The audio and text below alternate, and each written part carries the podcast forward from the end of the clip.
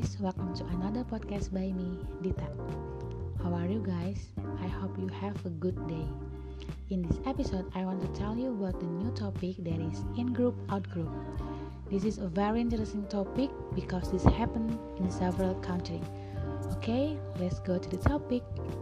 A lot of news spread in America that Islam is a terrorist. Islam is of Middle Eastern descent and Mecca should be bombed. Muslims in America are ordered not to leave the house, not to gather, and not to go to the mosque. And on Friday, in the first week of the month, because the streets are full of bombings. With this incident happen, it is not only Muslims who are affected, but some Americans will also be affected. Americans think that if there is a problem in their country, then is it the fault of the Muslim community? Americans also closed Moscow and did not allow Muslims to worship. Muslims in America are considered tumors, but the question is whether a tumor is malignant or benign. If it is malignant, then it must be pulled out of all them.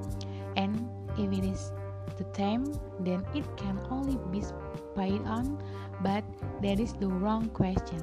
Muslims are not tumors. Muslims are the same as other Americans. That is, they are the most important organ. Stop saying that Islam is a problem, that Islam is a terrorist, because Muslims are just like American in general. Only because of the question and perception of a few people, Islam is considered bad. Stop judging Muslim, stop looking down on Muslim by closing Moscow. American will be safe. Will slaughtering or exterminate Muslim American be free from terrorists? That is wrong.